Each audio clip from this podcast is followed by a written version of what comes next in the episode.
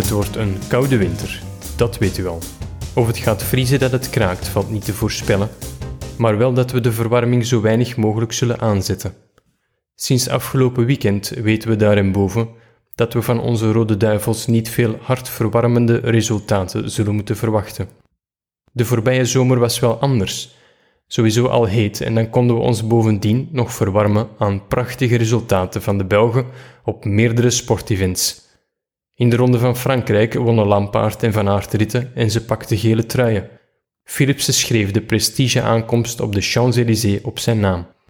Op de wereldkampioenschappen en de Europese kampioenschappen atletiek pakten Nafitiam en de Belgian Tornadoes, we verwachten stilaan niet minder, telkens medailles. Bart Swink stapelde op de wereldspelen en het EK skileren de medailles op. En zelfs wie houdt van niche-sporten kon meegenieten toen op het EK Cognac Lise Broeks en Hermine Peters zilver en Arthur Peters brons pakten. In de Vuelta reed Remco Evenepoel in de rode trui naar Madrid. De eerste Belgische eindwinnaar van een grote ronde in 44 jaar. Een mens zou het van minder warm krijgen. En dan moest het WK wielrennen nog komen. Het regende en druilde in België, maar vanuit Wollongong scheen vaak de zon, weerspiegeld in zes medailles onze huiskamers binnen. Drie bronzen, twee zilveren en één gouden. Een piramide die meer moois doet verhopen, want niet enkel Kopecky en Evenepoel maakten het mooie weer. Ook de belofte Alex Segaard en de juniores Febioris en Vlad van Mechelen rijfde elk een plak binnen. Met het stilaan beëindigen van het wielerseizoen op de weg zakte de temperatuur zien drogen.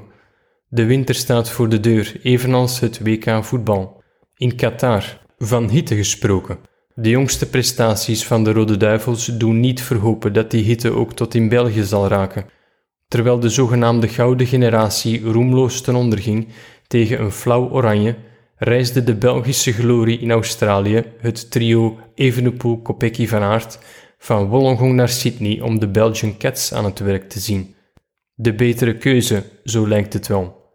Tenzij Club Brugge in de Champions League nog meer potten weet te breken, zal er aan het voetbalfront niet veel warmte te vinden zijn. Maar heb hoop, de lente is er gauw en dan kan u zich weer verwarmen aan de blinkende kuiten van jonge wielerhelden. Intussen maakt Remco Evenepoel bekend dat hij voor de warmste week zijn rode trui veilt. Door mee te doen maakt u de winter misschien voor een ander een graadje warmer. En wanneer u die trui wint, heeft u weer een extra laagje om de komende koude maanden in te overleven.